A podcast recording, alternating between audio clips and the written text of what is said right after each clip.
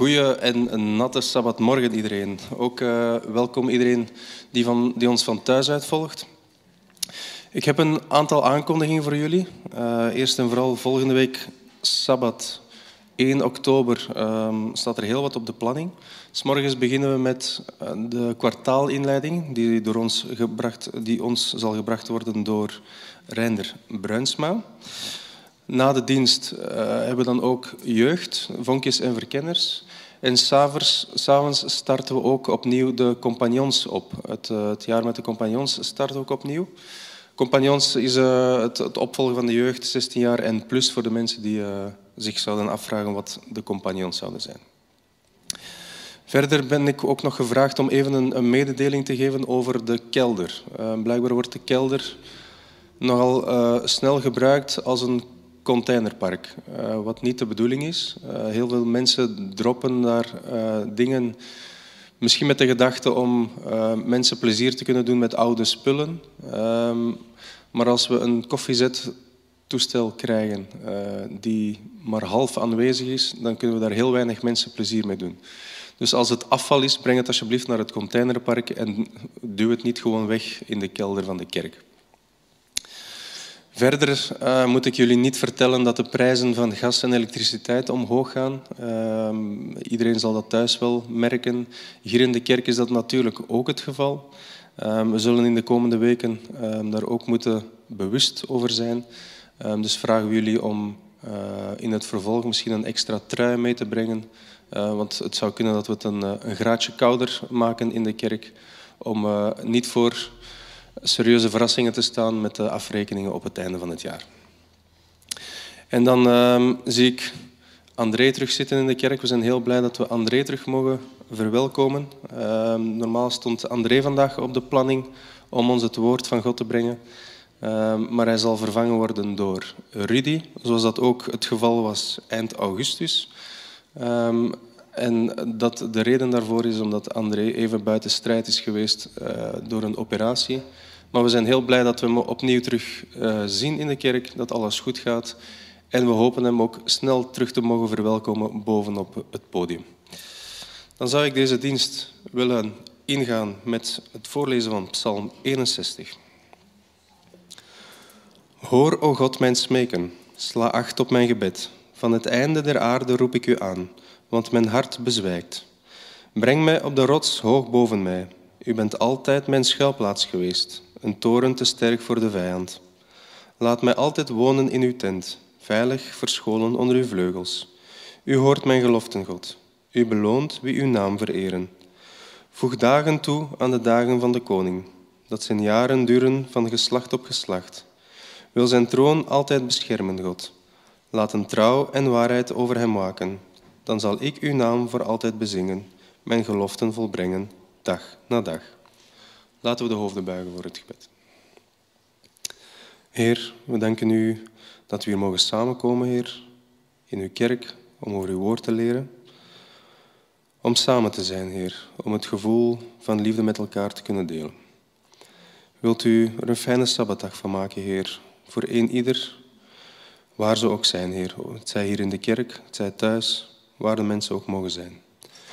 Wilt u ook bij Rudy zijn, Heer, die ons uw woord zal brengen, dat hij woorden mag brengen die onze harten mogen raken, Heer. We danken u voor alles, in Jezus' naam. Amen.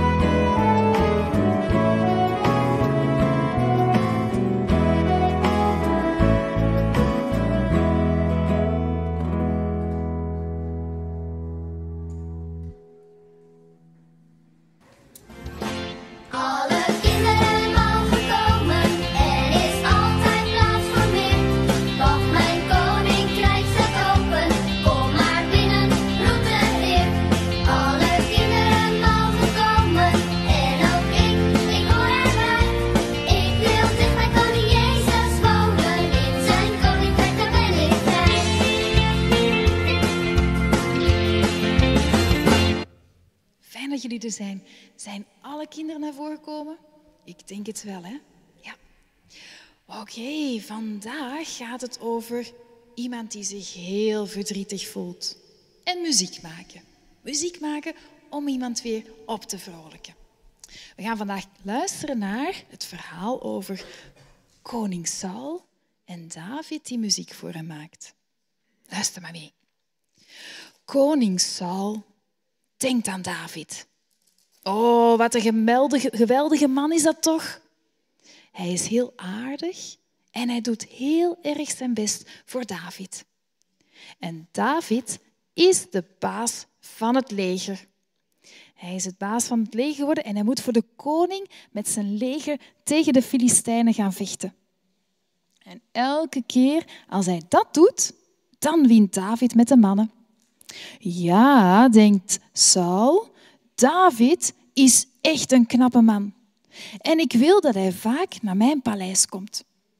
Dan kan hij gezellig bij mij in de kamer op zijn lier spelen.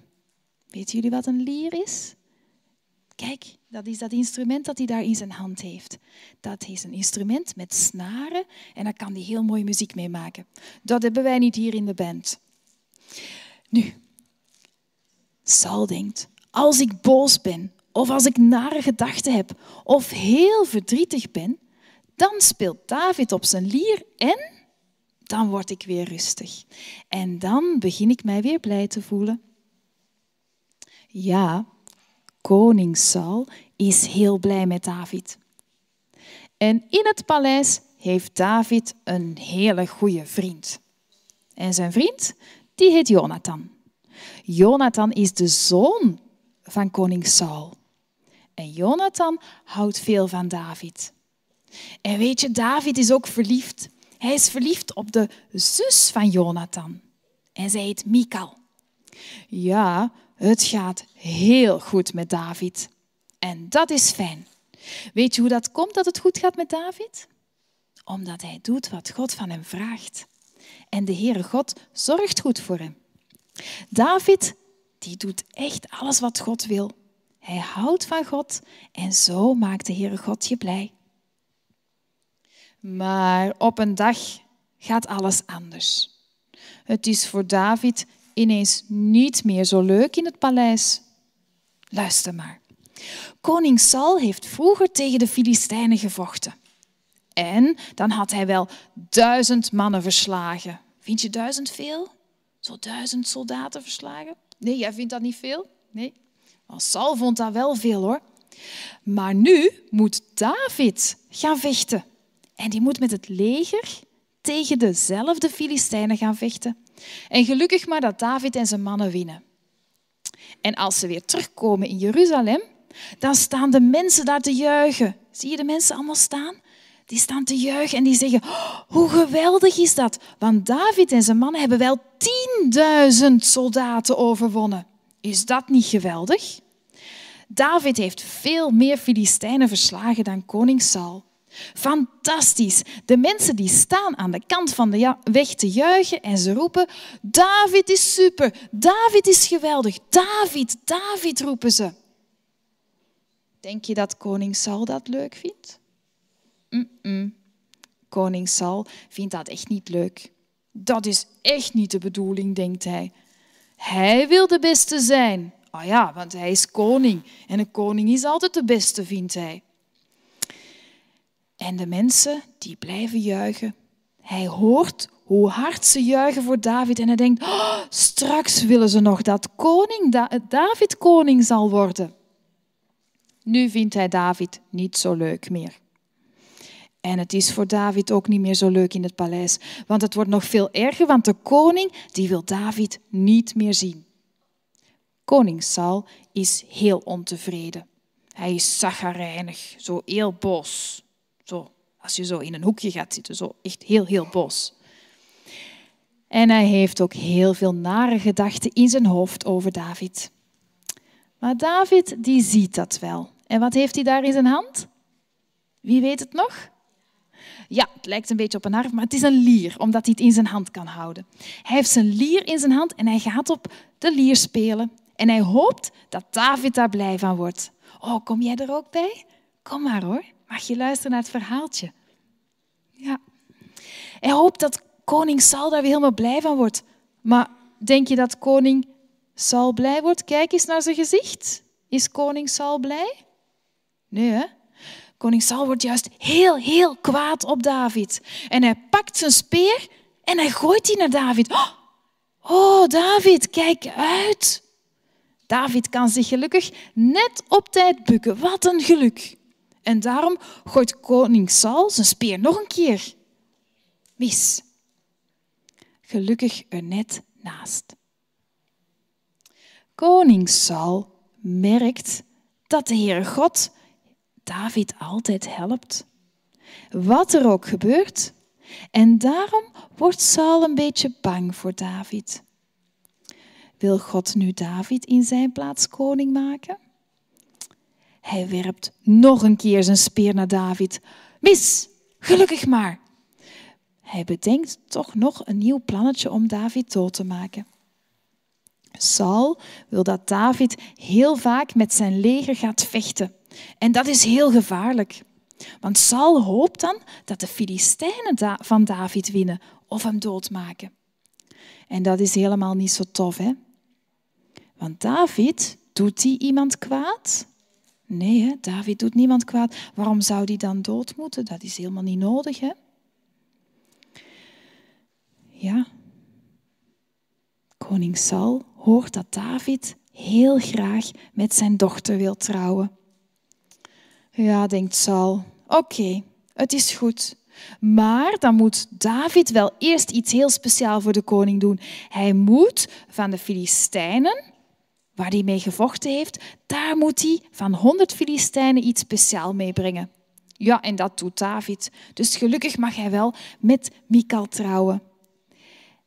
Toch wel raar hè, dat een koning vergeet dat je goed moet doen. En dat als je goed doet, dat het net zoals bij David is, dat God voor je zorgt. God zorgde altijd voor David. Gaan we dat onthouden als we op school of in de kerk of bij vriendjes iemand hebben die verdrietig is? Dat we misschien met een muziekje of een liedje wel vrolijk kunnen maken. Ja? En ook dat we doen wat God vraagt, want Hij kan je gelukkig maken.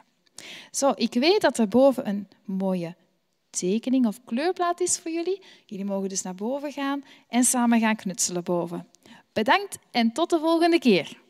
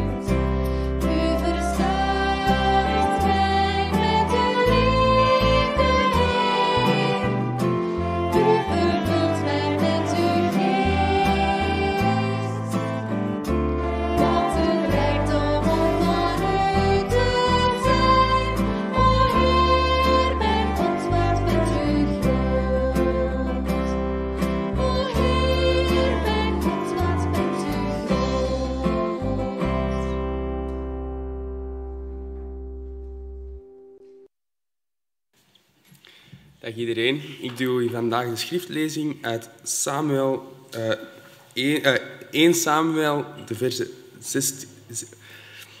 Ik doe vandaag de schriftlezing uit 1 Samuel um, 16, de verse 14 tot en met 18. De verse 14 tot en met 18. De geest van de Heer had Samuel verlaten. In de plaats daarvan stuurde de Heer hem een kwade geest, die hem kwelde. Zijn hovelingen zeiden tegen hem: Het is duidelijk dat u door een kwade geest wordt gekweld. U heeft maar te bevelen, Heer, en uw dienaren staan klaar om iemand voor u te zoeken die u eh, lier kan spelen. Hij kan dan muziek voor u maken wanneer u door de kwade geest van God wordt bezocht. Dat zal u goed doen. Doe dat, zei Saul. Zoek iemand voor me uit die goed kan spelen en laat hem bij me komen. Ik weet, iemand die goed kan spelen, zei een hoveling. Hij is een zoon van Isaï uit Bethlehem. Hij behoort tot een voorname familie en is een goed krijgsman en hij is welbespraakt en goed gebouwd. Bovendien staat de Heer hem bij. Ik lees u voor uit Matthäus 11, uh, van vers 28 tot en met 30. Matthäus 11, vers 28 tot en met 30. Kom naar mij, jullie die vermoeid zijn en onder lasten gebukt gaan, dan zal ik jullie rust geven. Neem mijn juk op je en leer van mij, want ik ben zachtmoedig en nederig van hart. Dan zullen jullie werkelijk rust vinden, want mijn juk is zacht en mijn last is licht. God zegen de lezing van zijn woord. Onze hulp is van de Heer die hemel en aarde gemaakt heeft. Die trouw houdt tot in eeuwigheid en niet loslaat het werk wat zijn hand begon. Genade zij u en vrede van God de Vader en van de Heer Jezus Christus. Het zal jullie een beetje verrassen dat ik uh, zo begin, want uh, dat zijn we hier niet gewend. Maar in protestantse kerken is dat gebruikelijk.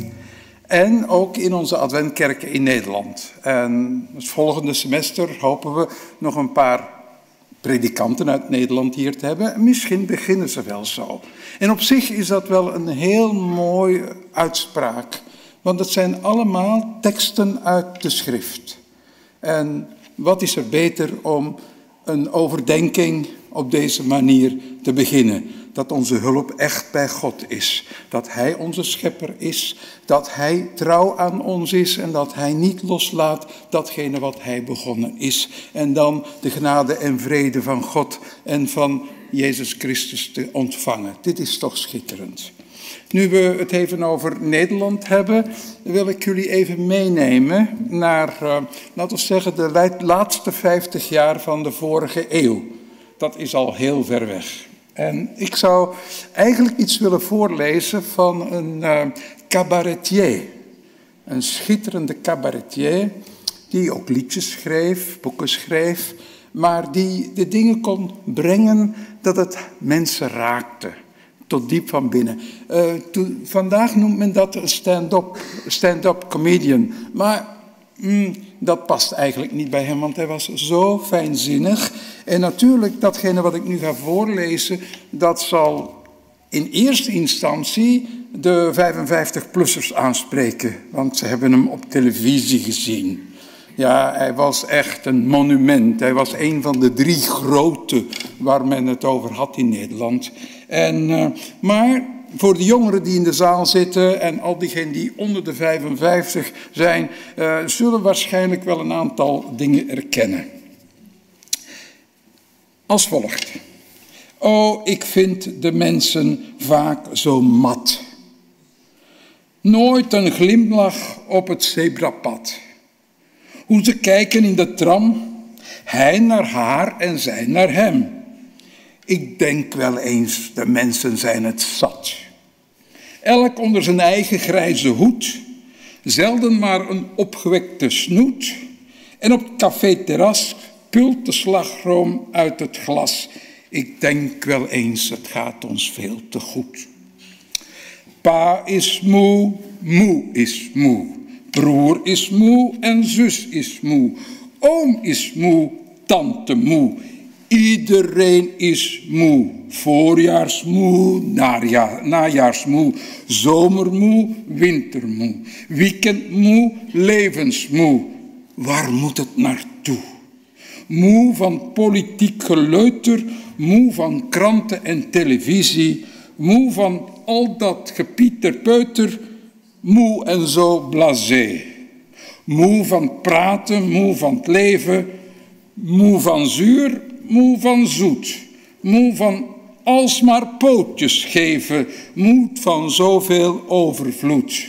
Daarom schreeuwen de reclames in het vermoeide ochtendblad.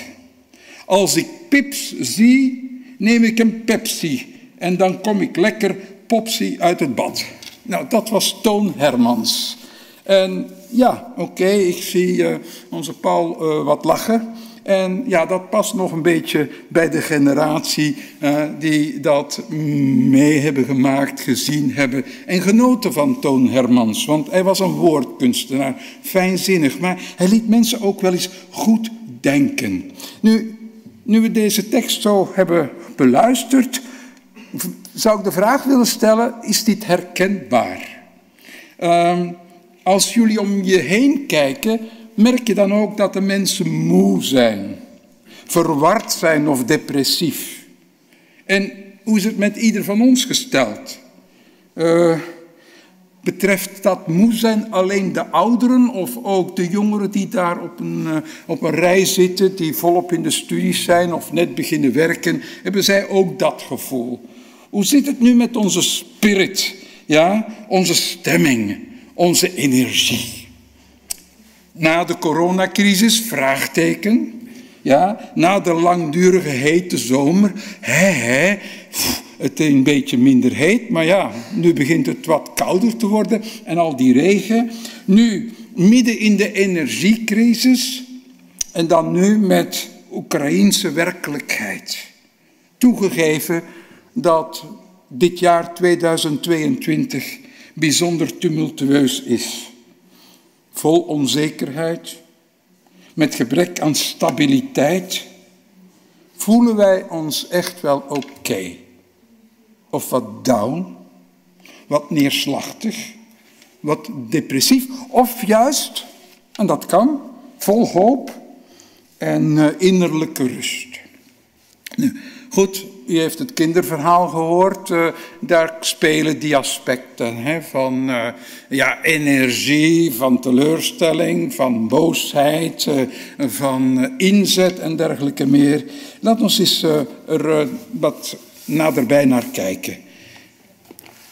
In het verhaal van koning Saul komt er een punt dat zijn mentor Samuel, en dat lezen we in 1 Samuel 15, de laatste verse daarvan.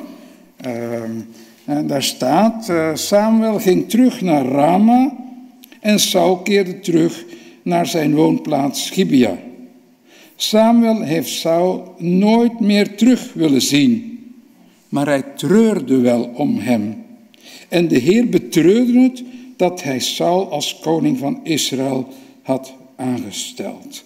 En de Heere God merkt dat en hij zegt, vers 1 in hoofdstuk 16, tegen Samuel, hoe lang blijf jij nog treuren om Saul die ik als koning van Israël verworpen heb? Kom, vul je horen met olie en ga voor mij naar Isaïe in Bethlehem. En dan breekt er een nieuwe fase aan. Samuel depressief. Hij treurt, teleurgesteld. God eigenlijk ook helemaal niet blij. En je kan dat wel indenken hè, van Samuel.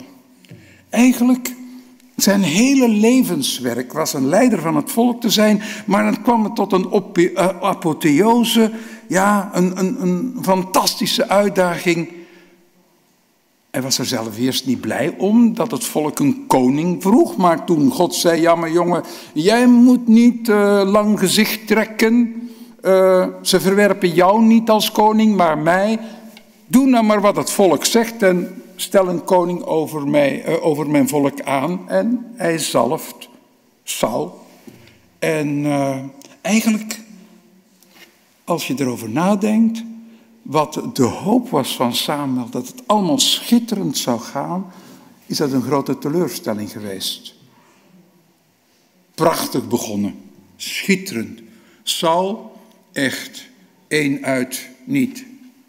Duizenden, honderdduizenden uit miljoenen. Wat een man. Wat een persoonlijkheid. Wat een figuur. Echt hoed af voor Saul. Op het moment dat hij uh, gezalfd is, snapt hij het allemaal niet. En dan is er een volksvergadering. En uh, moet er een koning aangewezen worden.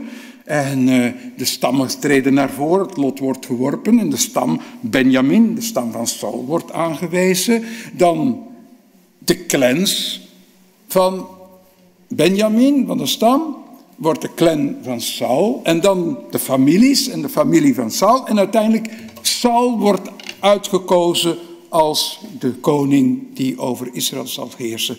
Maar hij is er niet. Saul is er niet. Dus ze doen navraag en dat blijkt dat hij zich tussen de bagage had verstopt. Wou dat helemaal niet. Hij wou helemaal geen koning worden. Uh, soms zijn er zo van die verkiezingen, ja, en dan uh, zijn er, ja, maar ik ambieer dat niet, terwijl ze het eigenlijk wel ambiëren. Hij helemaal niet. Hij wordt naar voren gebracht, ja, en uh, ja, het volk ziet hem. Ja, echt indrukwekkende, een soort van Brad Pitt. Hè? Troje, Troy, een Brad Pitt, man, man, man. Een kop en schouders boven de bevolking uit. En hij wordt daar uitgeroepen en uh, hij wordt koning. Dus schitterend begin met een man ja, die uh, eigenlijk helemaal geen allures wil zich aanmeten om koning te zijn. En wat blijkt? Hij gaat daarna gewoon terug naar zijn boerderij. En hij gaat op het land werken gedurende twee jaar. Helemaal niet een paleis bouwen met een troon en alle tralala erbij. Nee, hij gewoon zijn leven voortzetten. Totdat er op een gegeven moment een heel groot probleem ontstaat. Want uh, hij krijgt bericht dat er een stad helemaal omsingeld wordt door Ammonieten. En uh, ja, dat ziet er heel dramatisch uit. En binnen de kortste tijd wordt hij eigenlijk helemaal razend. In de goede zin van het woord. En de geest van God maakt zich meester van hem. En binnen de kortste tijd verzamelt hij 330.000 man van Israël en Juda en bevrijdt Jabes. Wat voor een koning. En na afloop zijn er een aantal die tegen hem zeggen: Ja, maar Saul, er er toch een aantal van de mensen onder ons die helemaal niet blij waren dat jij uitgekozen werd als koning. Nou, nu kan je even de rekening presenteren. Hè? Je kan nu uh, deze gasten even liquideren, op een zijspoor zetten. Nee, nee, nee, zegt hij. Uh, er zal vandaag geen bloed vloeien. En hij vergeeft ze dat. Nou, wat wil je nou meer? De tijd gaat voorbij en dan begaat hij enkele fouten. Op een gegeven ogenblik, voor de zoveelste keer, vallen de Filistijnen aan. Dat is de rode draad in, uh, in het boek Samuel. En uh, hij heeft 300.000 man ter beschikking, 2000, uh, 3000 man ter beschikking, 2000 voor zichzelf, 1000 voor zijn zoon. En al de rest mag naar huis gaan. Had hij een beetje overmoed in zijn hart, dacht hij van, dat redden we wel. En zijn de mensen naar huis. En dan een beetje later komen daar de Filistijnen met duizend uh, strijdwagens, ja, 600 paarden. Al die getallen die hebben een symbolische waarde van betekenis van, oei oei oei, dat is een enorme macht die zich uh, manifesteert. En uh, een massa voetvolk, dat gaat hij nooit redden. En hij bibbert, hij is bang. En Samuel had hem gezegd, als het zover is, je wacht zeven dagen tot ik eraan kom. Maar hij is zo, zo bang, want uh, Samuel zou dan wat offeren om de strijd in te leiden met zegen van God en Saul doet het zelf. Samuel komt eraan en die merkt de hele situatie en zegt, ja Saul, Samuel, Saul dit, uh, dit is mis hè. Uh, God had dat wel anders gewild. En je hebt hem je hebt overtreden, je hebt niet het vertrouwen gehad, uh, het koningschap zal niet voor altijd bij jou blijven. Dan zou je denken, ja, daar moet hij dan toch over nadenken. Nee, Een beetje later is eh, er een opdracht van God om de Amalekieten, dat volk wat in de woestijn, de Israëlieten, het heel erg uh, bond heeft gemaakt en ze achteraan heeft aangevallen waar de vrouwen en de oudere mannen uh, en, en, en, en, vrouwen rondliepen en de zwangere vrouwen, de kinderen en zo. En God had gezegd, dit moet een keer opgelost worden. Dus hij moet dat doen, maar krijgt wel de opdracht iedereen te doden. Maar ja, ja, de koning houdt die in leven, het beste vee en dergelijke. En Samuel komt eraan zegt, jongen, nu ben je echt te ver gegaan. Echt te ver gegaan en God heeft een ander aangewezen. Dus ja, dit allemaal heeft zich afgespeeld op dat moment en dat we in dat verhaaltje hebben gehoord van dat de geest van God van Saul geweken is. Hij uh, heeft zich teruggetrokken. Hij uh, kan niet meer met hem vooruit als zijn instrument gaat niet. En de geest van God gaat weg bij Saul en intussen heeft Samuel David moeten zalven. En dan staat er dat de geest van God David aanpakte. Dus hier hebben we een, een, een, spanning, want die geest van God gaf eigenlijk aan dat er een innige band was tussen Samuel en tussen Saul en God en God en Saul. En dat is nu weg. En dat heeft zich nu verplaatst ja, op de, wat de, de knechten, de dienaren van Saul zeggen, de ideale man. De ideale man die jou van jouw neerslachtige buik kan afhelpen. Want hij was depressief. Hij zag het niet meer zitten. En uh, hij had er heel veel last van. En het personeel had gezegd: Ja, maar luister eens even. We vinden wel iemand die muziek kan maken voor je. En dan kom jij wel weer uh, tot uh, rust. Was nodig, want hij had woedeaanvallen. Hij was jaloers. Er was angst bij hem, wanhoop, razernij. En steeds verder wijkt hij van God af. En David is de man die zijn plaats gaat innemen. Van een gedrevene wordt hij een bezetene. Uiterlijk lijkt er niks veranderd aan Saul, maar innerlijk is het totaal anders geworden. Hij heeft eh, zijn Rolls Royce behouden, ja, zijn secretaris en eh, zijn salaris, maar alles, al het andere, ja, dat is aan het afbrokkelen. En misschien had hij beter een stap terug kunnen doen. Er zijn er heel weinigen die dat kunnen. Wanneer ze een keer de macht hebben uh, en daarvan geproefd hebben en gemerkt hoe zij mensen kunnen bespelen en hoe zij alles kunnen sturen, dan is het heel moeilijk om een stap, terug te doen.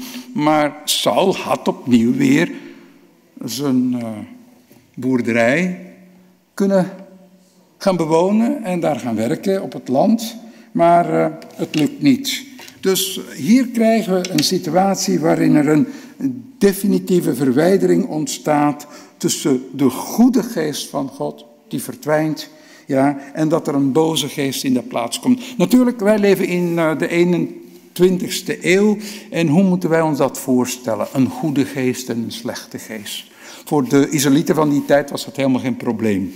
Als er goede dingen gebeurden, nou, dan werd dat toegeschreven aan God. Slechte dingen gebeuren, werd dat ook toegeschreven aan God. Want uh, ja, het goede en het kwade, dat resorteerde aan die ene God. Hè? Hoor Israël, de Heer is onze God, de Heer is één.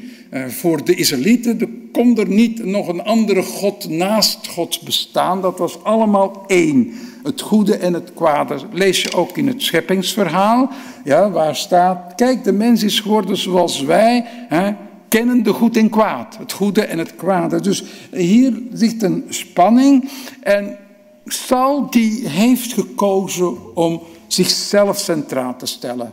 Heel egoïstisch, eigenlijk zelfs narcistisch dat hele verhaal over ja, dat uh, de, de, jonge vrouwen in Jeruzalem zingen van da Saul heeft zijn duizenden verslagen. Ja, maar David zijn tienduizenden, dat moet gestoken hebben.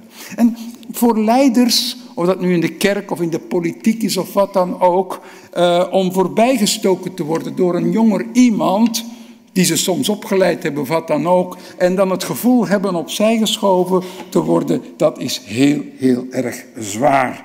Dus uh, hij blijft heel erg negatief, klampt zich vast aan zijn positie, maar eigenlijk is het allemaal verleden tijd. En dan, ja, die nieuwe figuur, die David. Um, de, de, dienaren van Saul merken dat op dat het helemaal niet goed met hem gaat. En zij doen de suggestie van, kijk eens even, hè, uh, we gaan een man zoeken. Een beetje later, we hebben een man gezocht, uh, gevonden en we zijn ervan overtuigd dat hij de koning zal kunnen helpen. Voor zijn troon meten zij zijn kwaliteiten breed uit. En als je de tekst leest, dan zijn er zowat zeven kwaliteiten die naar voren komen. Ja, hij uh, speelt goed muziek. En zoals er juist gezegd is, het was niet een harp, geen citer. In sommige vertalingen zie je dat, maar zoals dat kinderverhaal dat goed heeft duidelijk gemaakt, is het een lier. Een klein en handiger instrument dan zo'n prachtige harp die je wel eens ziet op de televisie. Dat had hij in zijn hand en hij kon daarop tokkelen met een stokje of met zijn hand. Ja, hij speelt goed muziek. Hij is zoon van een vooraanstand man in Bethlehem, Isaïe. Hij is een dappere man, een held, en soms betekent dat een vermogend man. Hij is uh, iemand net zoals Boas. Ja, hij, uh, hij heeft uh, bezit. Hij is iemand met aanzien. Hij is een krijgsman. Ja, hij is heel erg weerbaar als soldaat. Hij is een vlot spreker, ook dat nog. En dan, ja, ladies, meisjes, een knappe man. Een knappe jonge man. Echt waar, daar kan je niet naast zien. Welgebouwd, ziet er goed uit. Ja, uh, daar juist zei ik Brad Pitt, maar jullie hebben misschien andere namen in gedachten. En dan, toppunt, het belangrijkste. En de Heer is met hem. Ja, en God is bij hem betrokken. Met andere woorden, hij is een allround figuur. Ja, en uh, hij gaat... Uh, en sommigen zouden zeggen, eigenlijk wordt hij het paard van Troje. Want uh, ja, Saul heeft eigenlijk afgedaan en hij is de coming man. Dat zou kunnen. Maar hij brengt genezing. Iedere keer als hij speelt, dan gaat dat gemoed van Saul helemaal de goede kant uit. Ja, en daar is daar die lierspeler, die eigenlijk al, maar man kon het niet zien, de kroon op zijn hoofd heeft. Ja, de uitverkorene Messias komt de verworpen Messias troosten. En David doet dat goed. Hij doet dat heel goed. Komt hem om te troosten. Eigenlijk om Saul te redden van de boze gevoelens die hij heeft. Ja, en om die boze geest te verjagen. En ondanks Sauls razernij en haat die zich opbouwt en dergelijke meer. En we hebben het gehoord, hij gooit met een speer, hij doet dat nog een keer. En dan staat uh, David naar het leven. David moet uiteindelijk vluchten. Maar David heeft altijd 300% respect gehad voor de gezalfde van God. Saul was de gezalfde van God, maar dat bleef voor hem zo. En er zijn prachtige verhalen in 1 Samuel 24 en 26 die daar echt van getuigen. Waar hij de mogelijkheid heeft om de koning die hem opjaagt en van het leven wil beneden, benemen, dat, dat, dat, niet, dat hij dat niet doet. Dat hij hem heel duidelijk hè, laat zien dat hij hem respecteert. Dat hij de hand aan de gezalfde koning of messias niet wil raken. Dus, nou ja, het was echt wel moeilijk voor Saul dat hij heeft afgedaan. Om dat te weten. En dat er een nieuwe man naast hem staat, klaar staat. En toch, en toch wil hij niet loslaten. Hij klampt zich vast aan zijn status tegen beter weten in. En dan vraag je af, waarom laat hij niet los? Waarom wil hij alles in handen houden? En dat zien we vaak om ons heen gebeuren. Nu, David is die zoon van God. weet niet uh, of jullie uh, daarover nagedacht hebben, maar als David koning wordt, dan is daar op Psalm 2, vers 7 die gezegd heeft. God zegt dan in die psalm, jij bent mijn zoon. En David is dan die zoon van God en hij wordt dat regelmatig, ja, wordt dat naar voren gebracht. Wordt dat gehoord. Ja, en hij wil niet dat daarover gesproken wordt. Hij, dat mag niet. Want zijn werk is nog in volle gang. Hij drijft boze geesten uit. David dreef de boze geest uit van Saul. Jezus doet dat met anderen. Op verschillende manieren. Ja? En terwijl hij dat doet, wordt dat verkeerd geïnterpreteerd. En hij zegt dan, en u kunt dat lezen in Matthäus 12, eh, vers 28, maar indien ik door de geest van God de boze, uit, boze geesten uitdrijf, dan is het koningschap van God over u gekomen. Ja, um, alle zonde kan vergeven worden. Nadruk op alle. Alle lastering. Zelfs als je de zoon van God belastert, kan je vergeven worden. Zelfs God, als je hem belastert, geen probleem. Het is alleen een probleem als je zondigt tegen de Heilige Geest.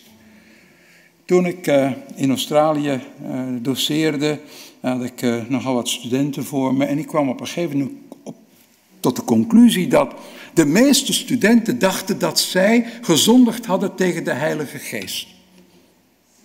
Ik vroeg om de hand op te steken. En er waren er maar vier die niet dachten dat ze gezondigd hadden tegen de Heilige Geest. En ik ben erachter gekomen dat zij de indruk hadden, als je iets doet waarvan je weet dat het verkeerd is, en je doet het toch, dat dat zondig is tegen de Heilige Geest. Het verhaal van Saul geeft dat niet aan. Elke mens maakt fouten. En de rechtvaardige maakt uh, ook fouten. Uh, Spreuken zegt, ja, de rechtvaardige struikelt zeven keer, maar hij staat weer op. Dus mensen kunnen fouten maken. Geen probleem. Maar van het moment af dat je heel doelbewust niet je vernedert, verootmoedigt, dat je niet vergeving vraagt en je vasthoudt en ermee doorgaat, dan zit het fout. U weet, Jezus heeft gezegd, de geest van God die overtuigt je van het goede, van het kwade en van het oordeel. Ja, hij wil je vergeven, die geest. Als je niet wil. Als je niet wil dat God je vergeeft, ja, dan, dan is het einde verhaal. Dus hier in het verhaal van, van Matthäus, en ik vind het een heel schitterende tekst, en misschien dat u hem mee opslaat met mij, Matthäus 12, en de tekst is gelezen. Kom naar mij, jullie die vermoeid zijn en onder lasten gebukt gaan. Dan zal ik jullie rust geven.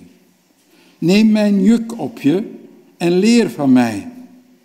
Want ik ben zachtmoedig en nederig van hart. Dan zullen jullie werkelijk rust vinden, want mijn juk is zacht en mijn last is licht.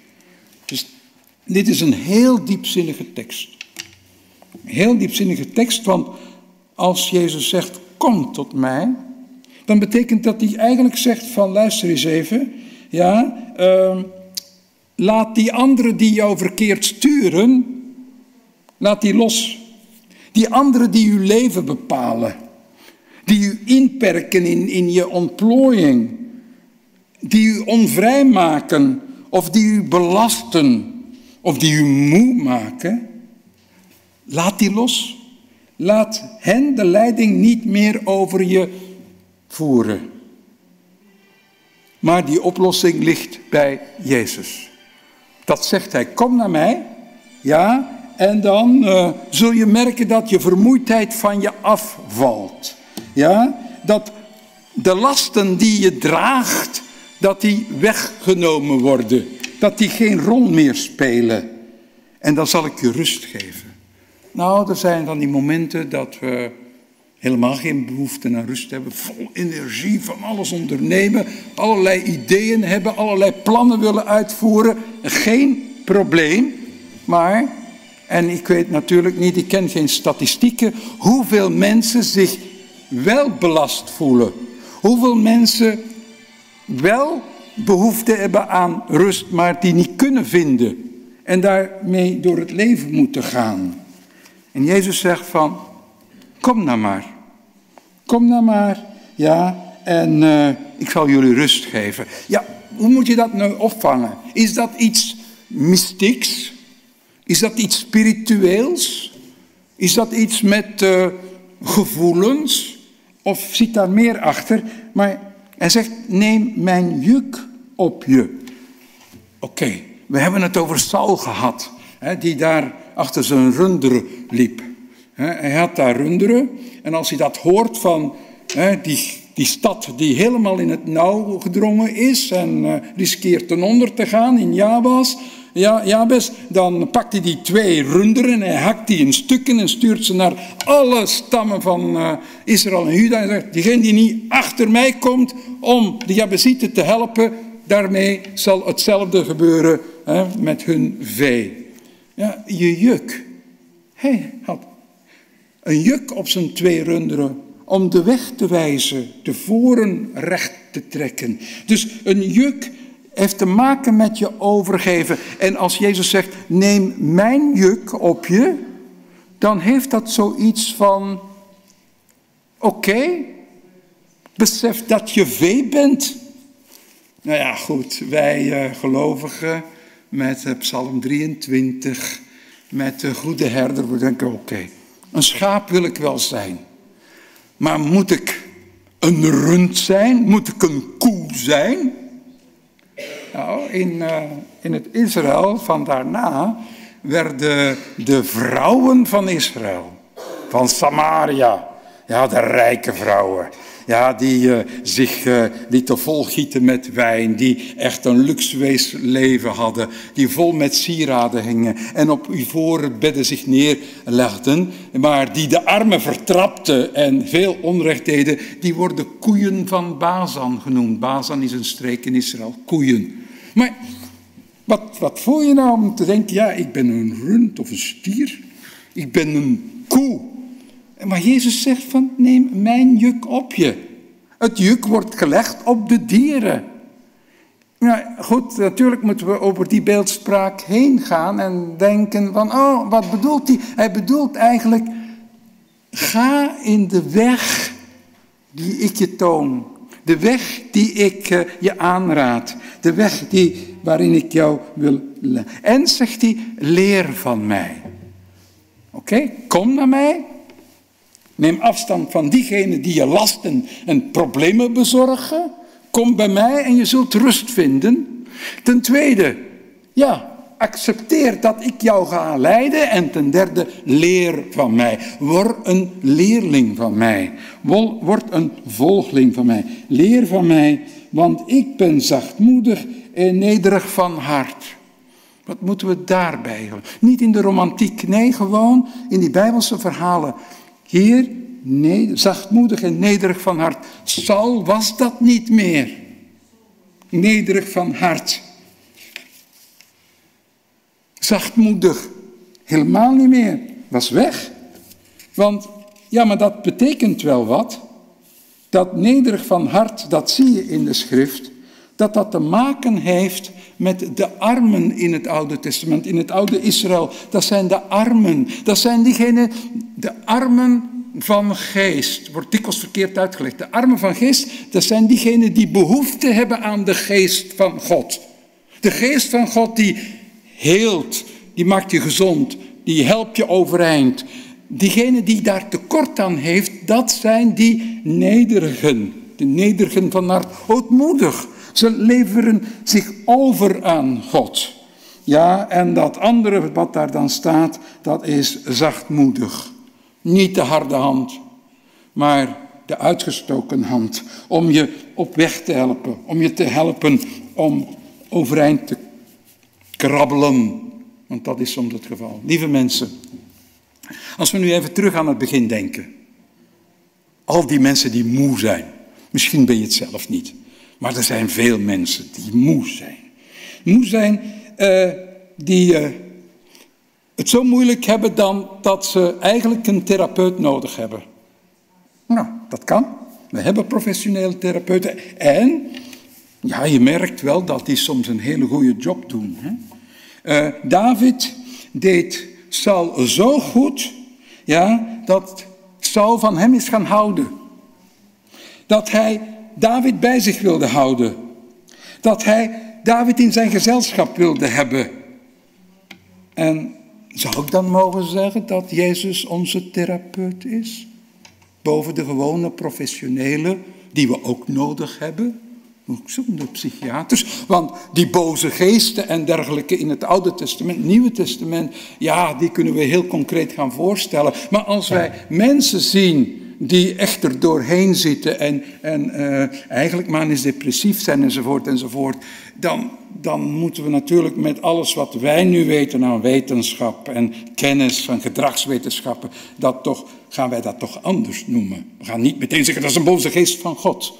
Dan is het toch wel anders te formuleren. En hoe, hoe, wat doen we dan als we er echt het gevoel hebben dat we er door zitten? We zitten er helemaal door accu leeg.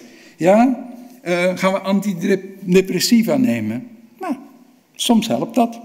Een beetje begeleid, niet uh, zelf experimenteren. Hè? Of uh, ja, je zit er helemaal door en je gaat in een klein hoekje zitten.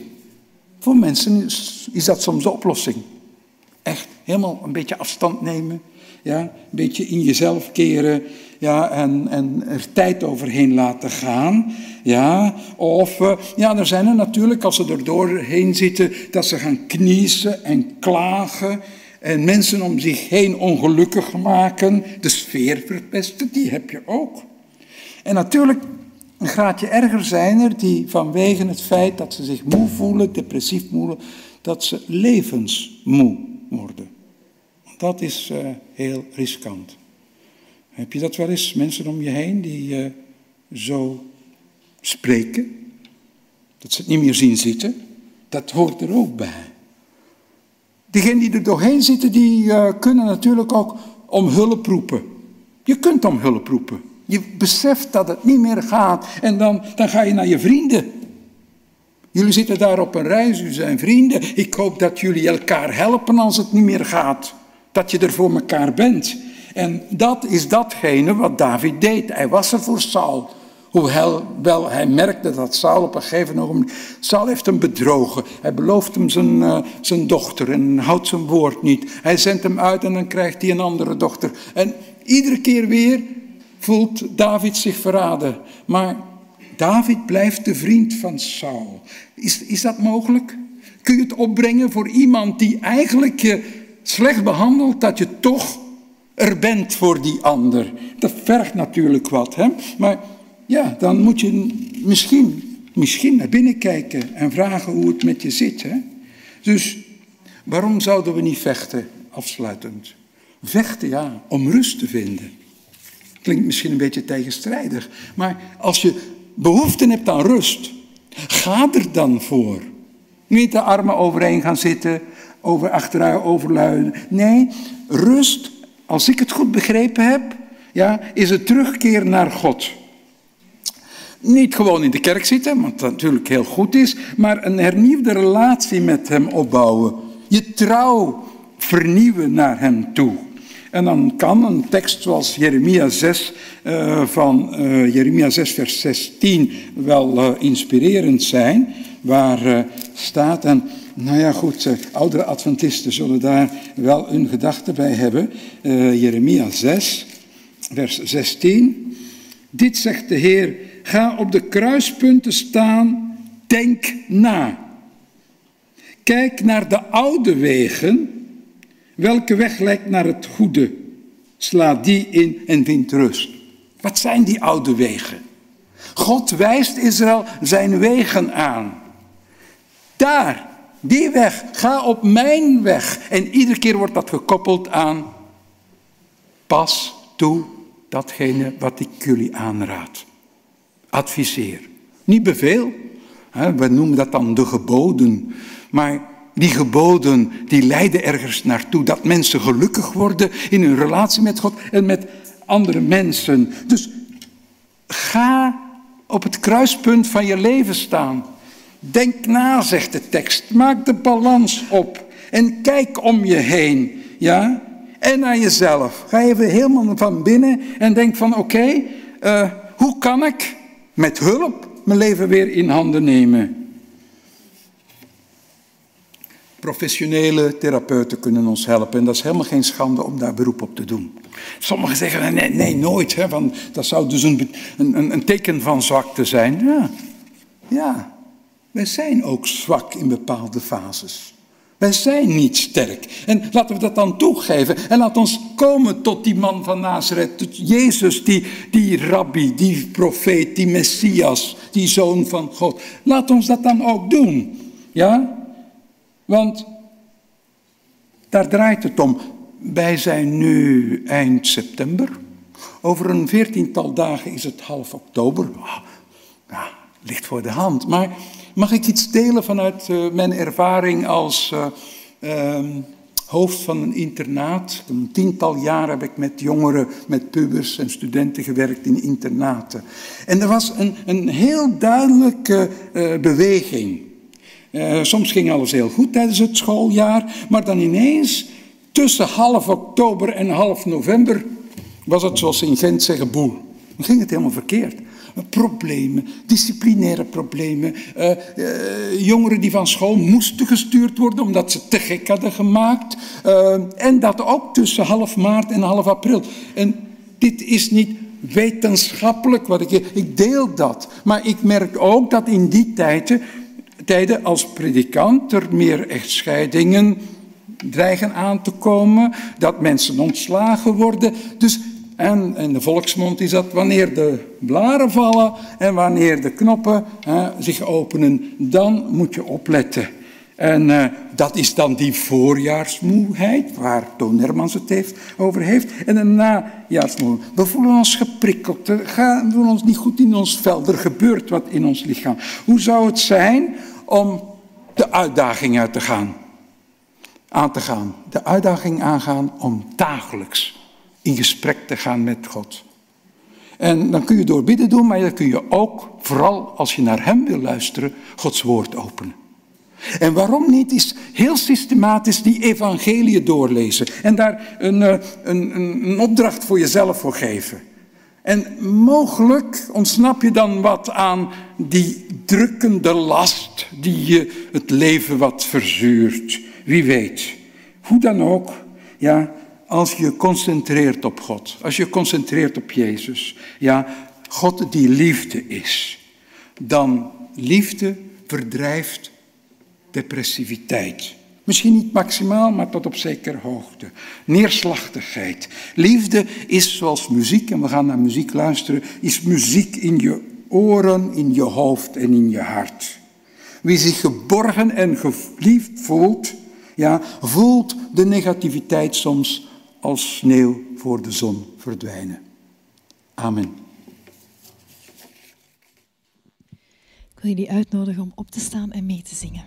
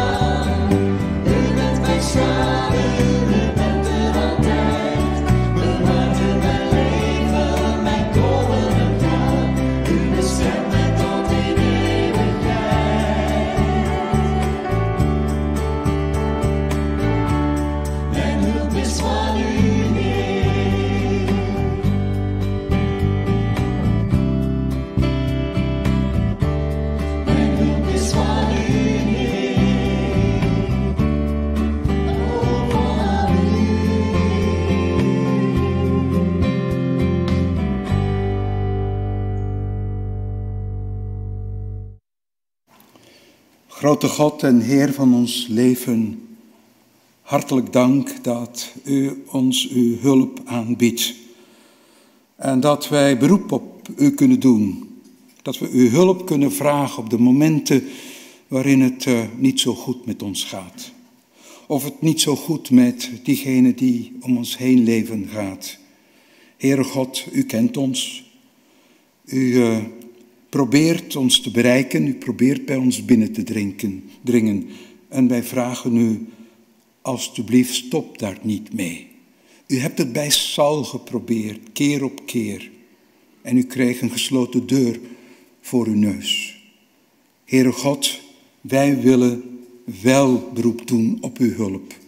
Wij willen ons wel openstellen voor uw invloed, voor uw inspiratie.